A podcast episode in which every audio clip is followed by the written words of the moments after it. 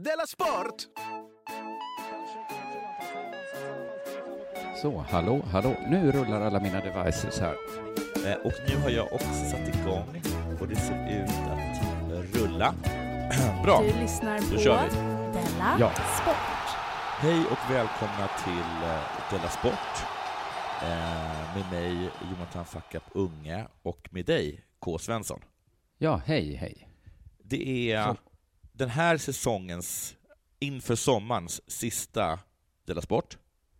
Ja, så är det kanske, ja. Ja, det är det då, väl? ja.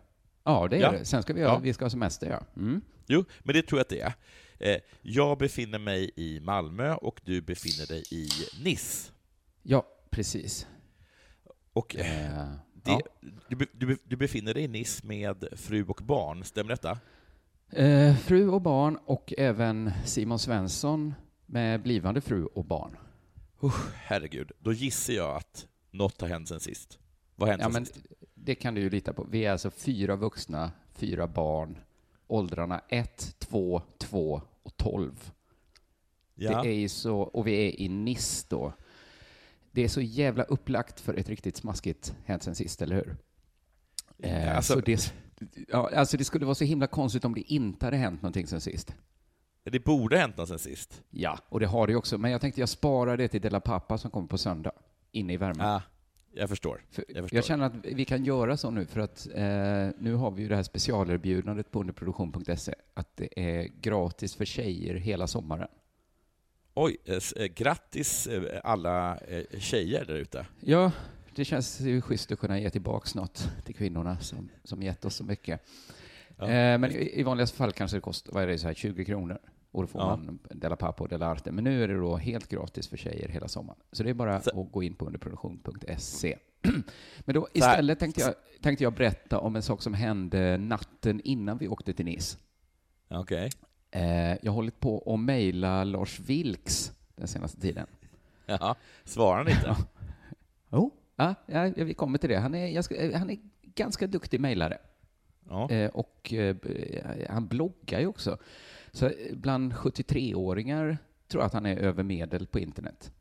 Oh, han är så Det- pass. Det får jag ändå säga. Han är inte blixtsnabb på att svara på mejl. Inte så babblig, men pålitlig. Han svarar. Men då så slutade det plötsligt komma mejl. Och jag fattade inte vad beror det här på. Så jag gick tillbaks då och kollade vad jag skrev i mitt sista mejl till Vilks. Ja. Och så tyckte jag så här, nej, det skulle väl vara fan om han skulle missförstå det här. Det var väl inget konstigt det jag skrivit. Det, Men det kan inte vara jag. det är skitnödigt med rondellhundar? Nej, inget sånt taskigt. Nej. Men sen när jag läste ytterligare en gång så insåg jag att det kanske fanns en problematisk passage i mitt senaste mejl till Vilks. Okej. Att av någon anledning fick jag för mig att jag skulle skriva att det var tråkigt att ett av hans verk hade brunnit upp. Ja, det var alltså liksom- Nimis, eller vad det heter. Nej, men det var något annat. Jag kommer inte ihåg nu. Det var inte superduper aktuellt när jag skrev det ens. Det var några veckor sedan.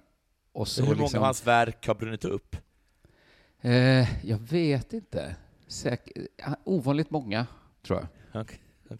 Jag tror, och de börjar väl inte bara brinna, det är väl någon som bränner ner dem, antar jag. Men så liksom gled jag in på ett resonemang om att det säger ju ändå något om ens konst att folk känner att de måste förstöra den. Ja, jag, jag kände också Ja. så här, det var väl lite självklart, lite platt. Så då skulle jag liksom överkompensera för min, för min liksom, eh, platthet med ett citat av eh, Thomas de Quincey. Vet, vet En, med det. eh, Med det. Nej, det är engelsk 1800-talsförfattare som jag... Mm. Ja, du vet, man kan ha en period när man är yngre, man får för sig att man ska läsa engelsk 1800-tals... Han, eh, han var framförallt väldigt bra på att döpa sina böcker. Okej. Hans eh, debutroman heter En engelsk opiumätares bekännelser. Och, och det här är Den- 1800-tal, sa du det? Ja, ja precis. Mm. Så att han, eh, man blir sugen på att läsa. Jag tycker opiumätare är ett så bra ord också. Ja, det är det. att eh, man brukar inte använda det. En annan som skri- eh, bok han skrivit är Mordet som skön konst. Också bra titel Ja. tycker jag. Och jättebra titel. Ja, han är, han är super på titlar. Eh, och då var det liksom ett stycke ur Mordet som skön konst som jag då eh, bestämde mig för att citera för Vilks. Och det, Det, liksom, det var så himla dumt. Det, det, är så här, han har en så här superkonstig kritik av John Locke som är helt förvirrat. Han, han tycker så här att alla stora filosofer har någon gång utsatts för ett mordförsök. Och då tycker han att det är en invändning mot John Locke som filosof. Att han skriver så här att han gick runt i denna värld med en hals i 72 år utan att någon övervägde att skära av den. Huh. Jag, tyckte, det var lite så här, lite småskojigt. Kanske försökte jag också verka lite smart, mycket för att överkompensera för min platthet. Mest bara säga något. Att den invändningen drabbar ju inte direkt dig som konstnär, Vilks. Dig vill ju många skära halsen av. Och så tänkte jag inte mer på det. Det var din komp- kompensation, liksom? Ja, precis. Jag tänkte att jag kompenserar för att jag har så platta saker att säga med att liksom Ja. klä det i någon liksom engelsk 1800-tals språkdräkt. Då. Och så slutar Vilksen höra av sig. Och så när jag Ja, det- satt i nat natten innan vi skulle flyga så insåg jag liksom exakt hur korkad jag är. Ja, det blev Man kan värre. Man kan ju inte skriva saker som, ja, dels att det blir värre, men också att det går ju inte att skriva saker som skär av halsen till Lars Vilks. Nej. Eftersom han har ständig över... Alltså finns det något buzzword som fastnar i Säpos filter så måste det ju vara skära halsen av.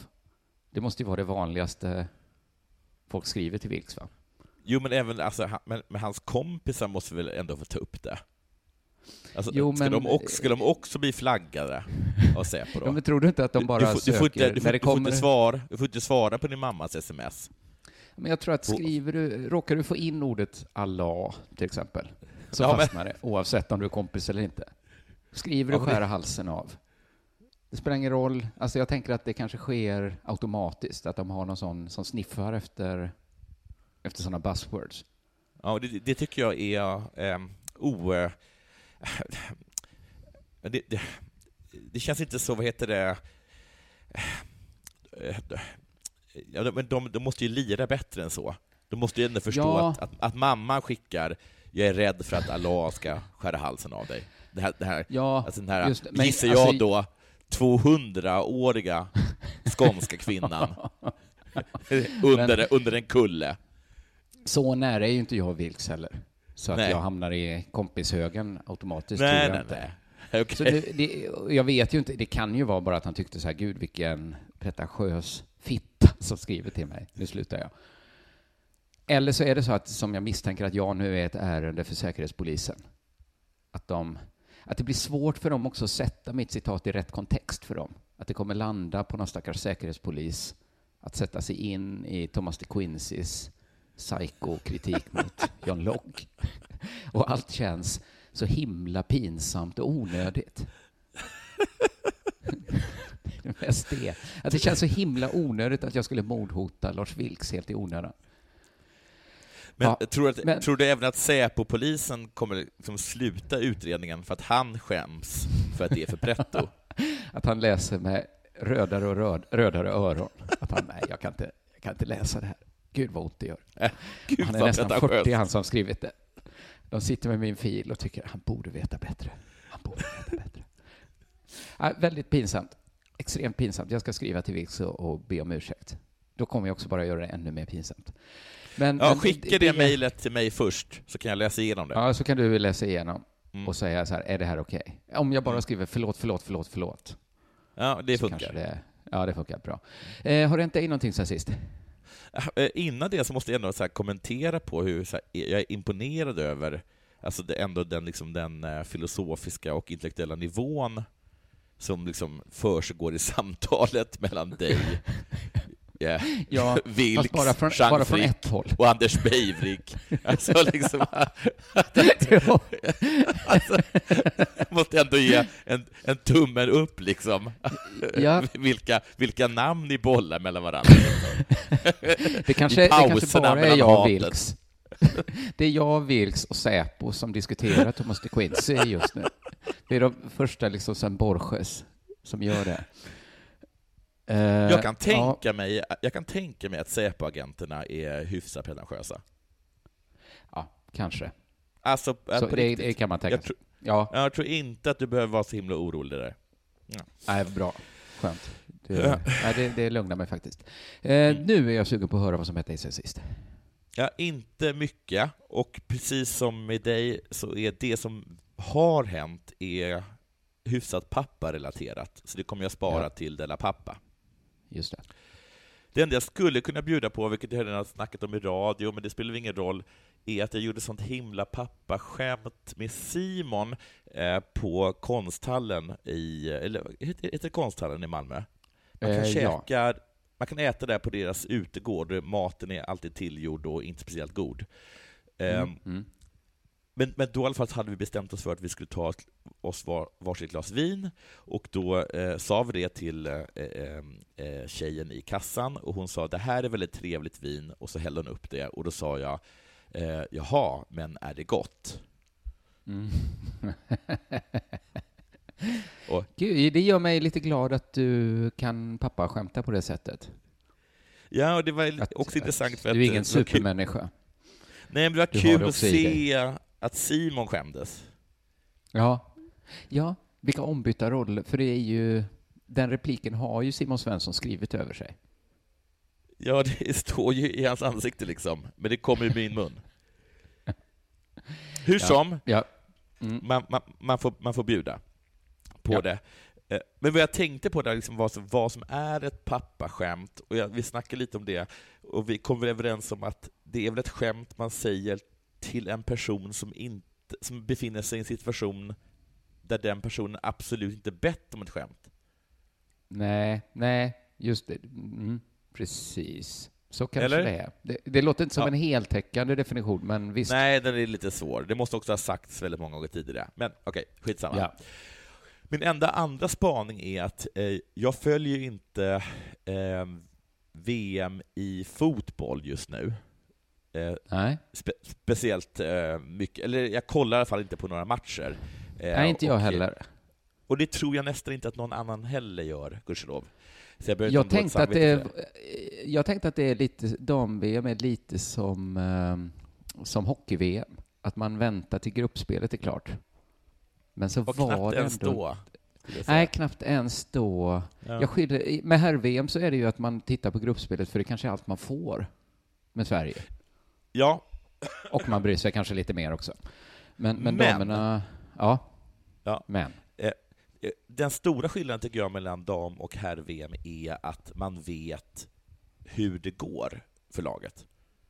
Ja, just det. Alltså, alltså man vet om det går bra för dem eller inte. Det finns, det finns i alla fall en någorlunda liksom jämn uppfattning om huruvida det går bra för dem eller inte. För nu är de i kvartsfinal, är de inte det? Ja, just det. Med herrarna kan man aldrig... Alltså som var det 2006 när herrarna först liksom eh, klarade dödens grupp. Slog Argentina, slog liksom Ja. alla och sen åkte ut mot Senegal. Det är typiskt Ja. herrarna. Precis. Men jag kan inte avgöra om det går bra för våra damer eller inte. Jag läst, alltså, om Nej. jag läser Aftonbladet, Expressen och SVT och SR så går det svinbra. Läser jag Mm. Olof Lund och eh, heter han, Kroneman så går det inte så bra.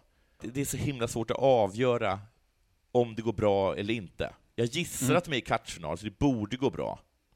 Ja, men det är kanske också... Allt utom kvartsfinal kanske hade varit dåligt. Det, kan ju, det finns ju den Ja, det säger Olof Lund. också. Ah, okej. Ja, Okej, Okej, skitsamma. Eh, nu är det nog dags för det här.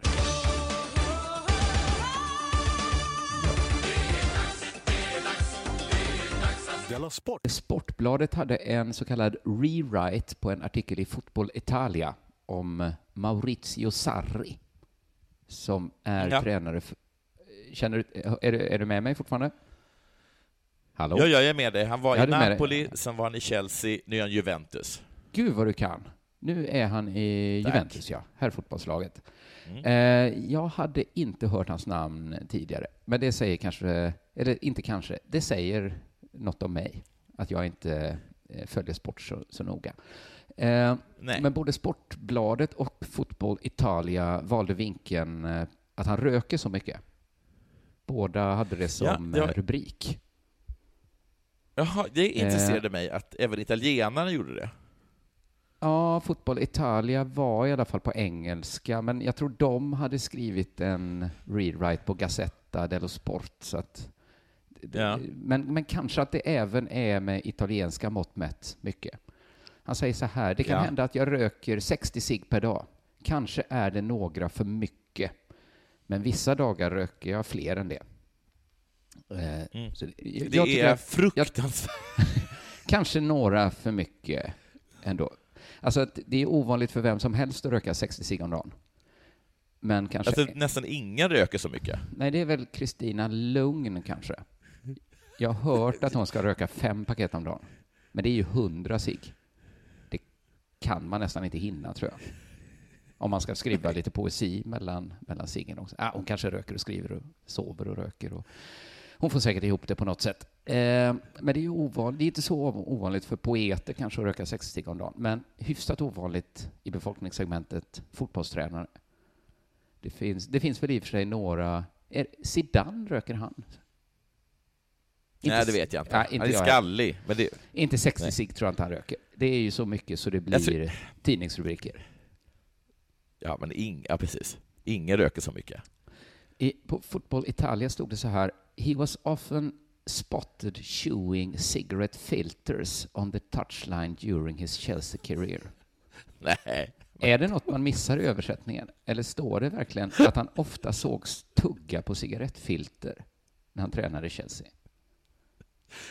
Men är det så att han är så här, eh, efter, eh, efter 60 sig eller mer, så Ja. känner även han att eh, nu, nu kan jag inte röka, röka mer. Nej, nu, nu- får jag, nu, får jag tugg, nu får jag tugga. Nu har jag ändå 60 filter att tugga på. I don't particularly feel the need to smoke during games, but straight Mhm. afterwards it's re- it really is necessary. Han känner inget behov av att röka under matcherna. Lite tror jag att han gör Fan det. vad konstigt. Lite tror jag att han känner behovet. Tror, Till exempel varje gång han tuggar på ett cigarettfilter så är det ett litet behov av att röka, tror jag, som han egentligen kanaliserar genom att tugga på cigarettfilter. När han tränade Napoli och de skulle möta Leipzig så byggde Leipzig Mm. en speciell rökavdelning på Red Bull Arena, speciellt för Sarri, som alltså tränade motståndarlaget. Okej. Det är väldigt extremt. fan vad schysst. Mm, väldigt schysst. De vill inte ha... Alltså det är en sak att, att... Ja, det är konstigt att ge en sån superfördel om de har en sån galning som tuggar på filter om man inte får röka. Eh, eller så tyckte de att Var, det var lite... var, det, var det ett rum, var det ett rum med eh, absolut inget insläpp eller utsläpp av luft? Hoppas det. Den kunde ha en sån För i hotbox. så fall var det inte så schysst. ja, och för Sarri tror jag att han bryr sig inte så om det blir lite eh, osigt där han sitter. Jag tror inte han har något emot att det luktar lite röktobak. Att han, jag tror inte det första han gör är att vädra när han kommer till ett hotellrum. jag tror inte han är... Ordet fräsch kommer inte till mig. Eh, när Sarri mötte Milan i Coppa Italia så anklagade Milans tränare Roberto Mancini Sarri för att ha sagt homofoba slurs till honom. Och Sarris försvar då var... Till Mancini? Ja, eh, precis. Ja. Jag, jag försökte kolla. Han kanske är homosexuell, Mancini, jag vet inte. Eh, hans försvar var att han inte är homofob. Att det som händer på planen stannar på planen. Så att han kanske säger homofoba Ja. slurs på planen, men det är ju kvar på planen. Sen tar han sina cigg och sin kropp och åker därifrån och är inte homofob. Eh, det höll inte i rätten. Sarri fick böta 20... Och, och Vad sa du? ja, fick han det? Han fick, nej, det höll inte. Alltså han fick böta 20 000 euro och stängdes av två matcher eh, för att ha riktat, citat, extremt förolämpande epitet mot, sina, mot motståndarlagets tränare. Så det var, det var inte bara homofoba Men de har alltså slurs. aldrig hört uttrycket... Men man blir sugen på att veta Men de har alltså aldrig hört uttrycket... Ja, verkligen. Ja, extremt förolämpande homofoba slurs. Han blev intervjuad av en kvinnlig reporter efter en match. Kan du ana vad som hände sen? Han anklagades för att Jag, svara jag tror, på tror hennes- Hon ställde frågor och han svarade med sexistiska kommentarer. Försvaret var att han bara Var det på planen? Det var eh, nog på planen i, anslu- i supernära anslutning. Det var efter en match. Ja, då, då, Så att, då, klarar han sig. sen tog han sina cigg och åkte därifrån. Var inte sexist med. Han försvarade sig med att han bara skojade. Fan vad kul att, att Sari är en sån här person som lever ut allt ja, förutom sin, sitt nikotinberoende på planen. ja, Ja, att han liksom, eh, att han liksom, jag vet inte vad, att han köper, att han går in på och köper Nigeria-brev eh, och håller på med liksom, att han köper aktier i Lundin Oil Ja, på planen. för han har ju snott det liksom. Det är ju, man säger ju what happens in Vegas stays in Vegas va. Men för att Ja, där finns det ju precis. liksom ett konsensus om att okej, där får man väl bete sig. Men det finns ju absolut inte Ja. det konsensuset att man får göra vad man vill på en fotbollsplan. Nästan tvärtom skulle jag Nej, säga. men, det, Att det är liksom mer scout-feeling på en fotbollsplan än utanför. Eh, när Sarri skulle skriva han känns så himla, han känns, Ja, förlåt. ja förlåt, Nej, säger du. men han känns så himla, han känns så himla mycket Leif Silbersky på det sättet. Mm. Att han har ett eh, helt okej Men, försvar, äh, menar du? Eller? Nej, men Leif Silbersky har den grejen att han, han, eh, han försvarar vem som helst förutom eh, drogbrott. Ja, just det. Just det. Att han har så en liten quirk liksom. Ja, ja just det. Att det finns... Men allt annat funkar. Att han är en supermänniska, men det är just på fotbollsplanen som att han, han blir helt galen, ja.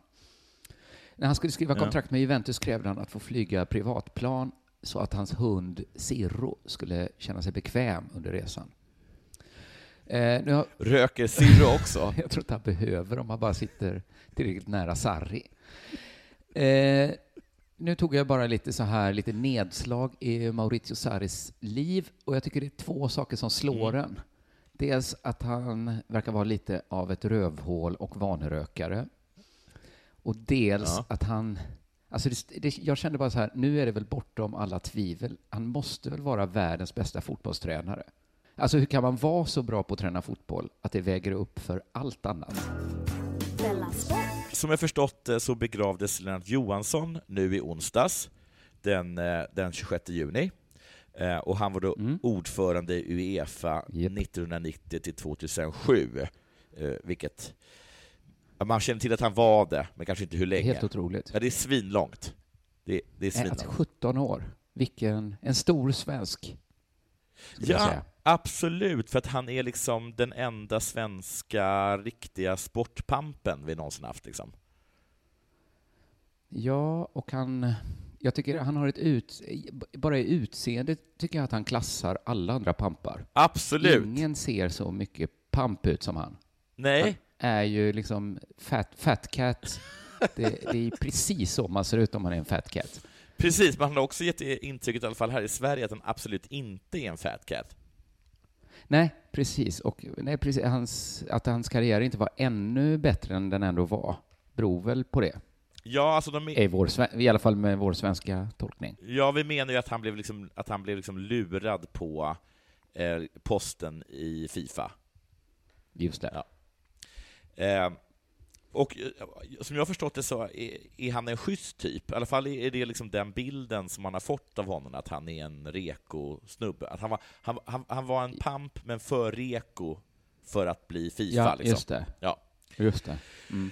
Eh, och eh, jag är inte den enda som eh, verkar tycka det. Eh, Janne Andersson, vår landslagstränare, förbundskapten, eh, han Ja. beskriver eh, Lennart Johansson så här på en eh, fråga från Aftonbladet vid begravningen i Katarina kyrka, Stockholm. En pålitlig och rakryggad människa och ledare som för mig stod för ett riktigt svenskt ledarskap. För mig var Lennart en ledare som har betytt mest för svensk idrott och svensk fotboll. Och, Ja, ja, och det, det låter som Lennart det. det låter som Jan, Lennart, och, det, och eh, Janne eh, får ju medhåll från eh, alla. Ja. Däribland Simon Bank, som eh, tidigare då, vid Lennart Johanssons död, skrev en minneskrönika om Lennart Johansson. Ja. Eh, och där står det bland annat saker som att, att han alltid bad om lite äppeljuice, tack. Och, det, och, eh, och vad han menar då var whisky. ja, ja, ja, ja. Men, eh, Jag tänkte väl det. Ja, men man, man gör det lite snyggt. Eh, och sen eh, skriver Simon Bank eh, så här. Jag vet inte hur han hade det med latinet. Det fattar jag inte. Jag fattar inte riktigt vad han menar med det. Eh, men han kunde definitivt prata med fotbollsgrabbar på fotbollsgrabbars vis. Och när... Jaha, men det var, alltså han, eh, vad heter det, travesterade Karlfeldt. Det här är det det är? Alltså att tala med bönder på bönder. Jaha, bönders Och de lärde på latin. Ja, ja. Ja, ja. Det- ja just det, de men, men det gjorde- om det- man bara har det ena, Det, bygger väl på att man ska ha båda? ja, precis. Det, behövs ju. Men Simon, Ja. Simon Bank gjorde bort mig. Och när dominobrickorna föll i den stora världen så skvätte det aldrig riktigt på honom.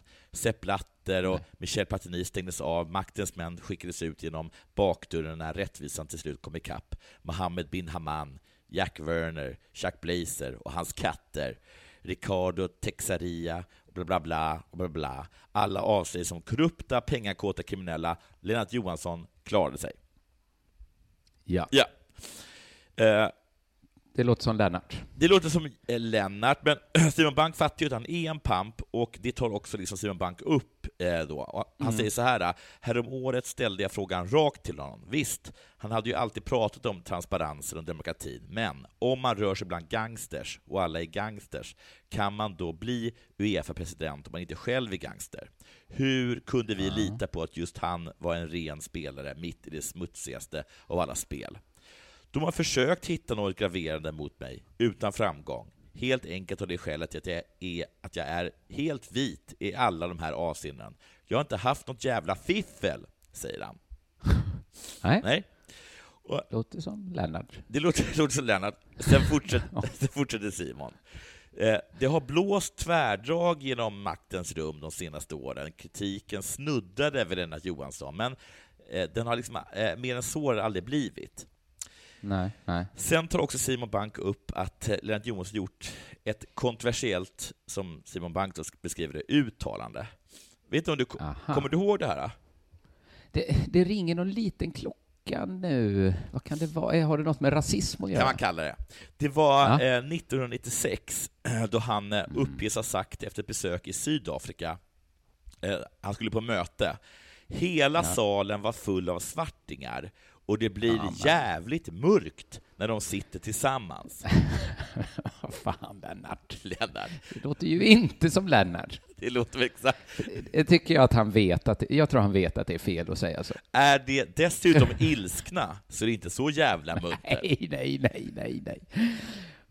Nej, men, Det blev, krit Ja, det ja. blev kritikerstorm såklart, eller hur? jo, Och jo, men det, det förstår man det ju. får man nästan, det får man förstå. Också att han blev så förvånad när han är i, i Afrika. Att det är mycket svarta. Tycker han det gått för långt. Och Lennart Jo- han, ba, han var i Sydafrika, han trodde väl att de Klerk skulle vara där. Jo, jo. Och Ja, ja. Han bad om ursäkt då och förklarade sig. Det ska sägas att han först bad om ursäkt efter att han hade fått lyssna på bandet där han sa detta. Först sa han, det här låter inte som Lennart. Och sen lät det precis som att Lennart sa att det var för mycket svartingar i Afrika. Då kommer man med den här ursäkten. Jag kan bara be om ursäkt. Jag försökte bara ge en målande beskrivning av hur det går till på ett möte. Att det blir svart i lokalen och en aggressiv stämning.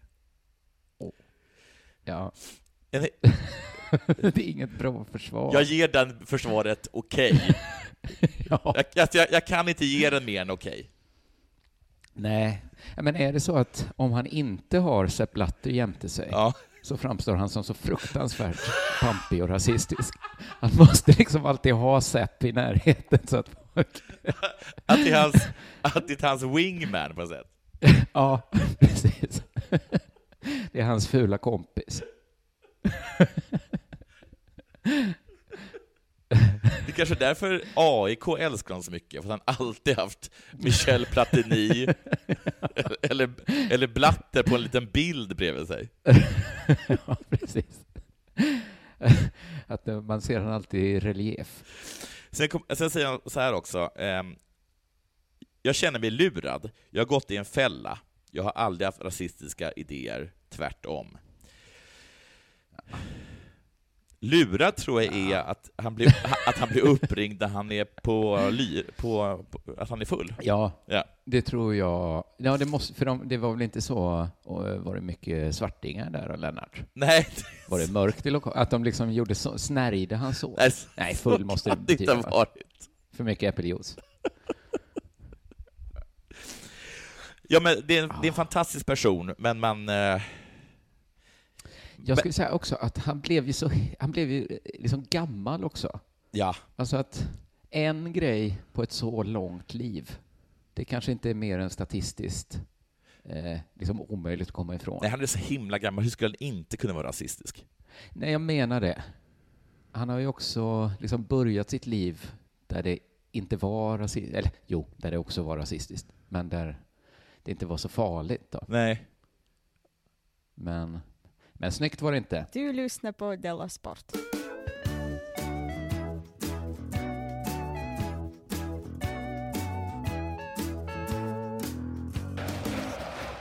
En liten kort grej här. Vi har ju pratat om VAR tidigare här i Della Sport.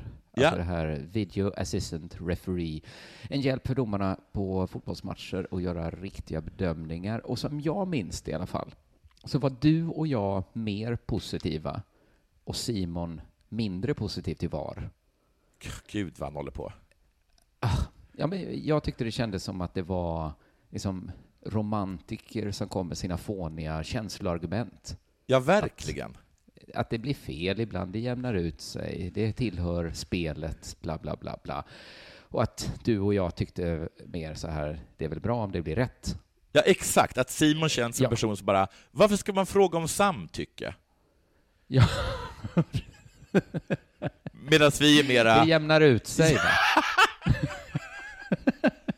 Medan vi är, är lite mer då sådär, det kan man väl göra? Det är väl bra om det blir rätt och riktigt, liksom, så ingen känner sig ledsen efteråt.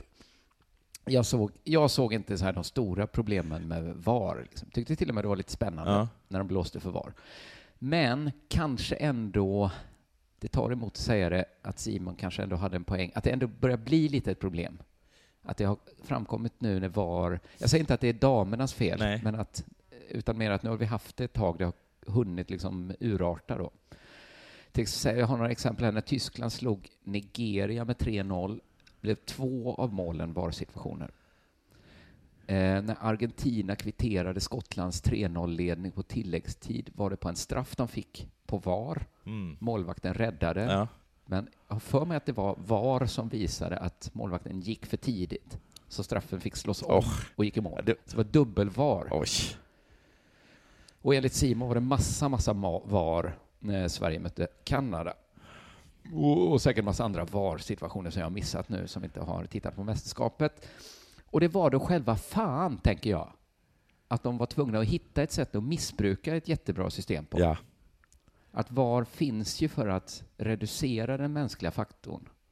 Men så har det liksom blivit en liten mänsklig faktorrest kvar. ja, vet, Alltså att man kan inte... Och just den räckte för att sabba det totalt. ja.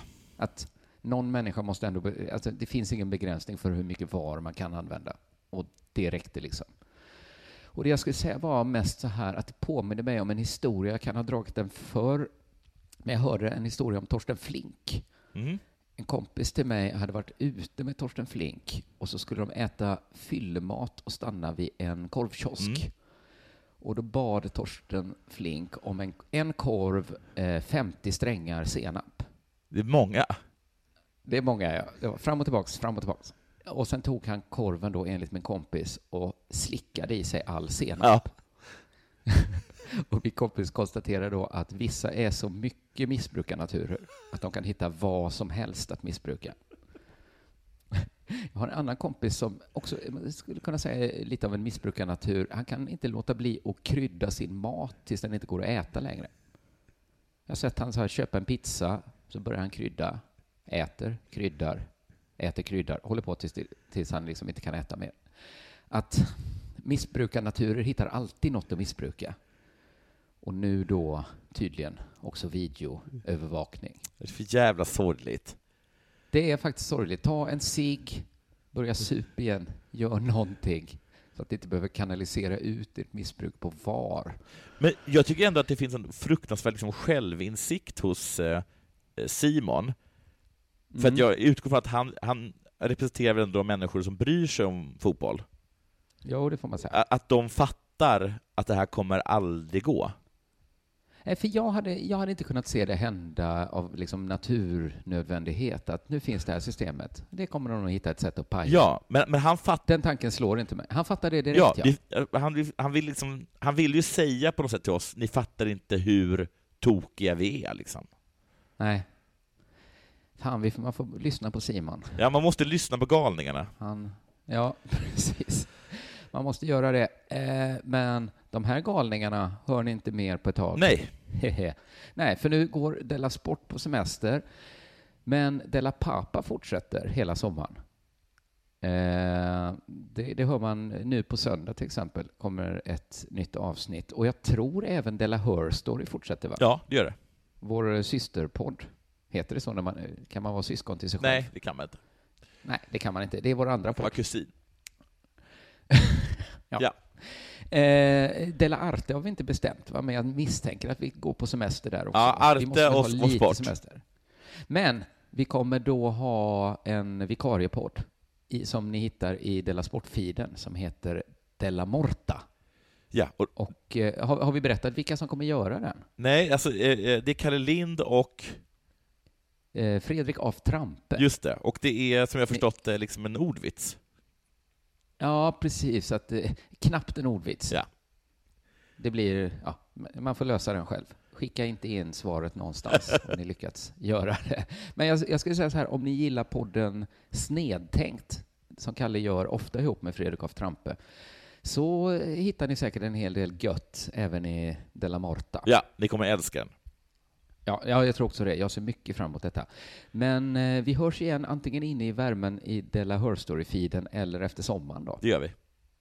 Hej. Hej!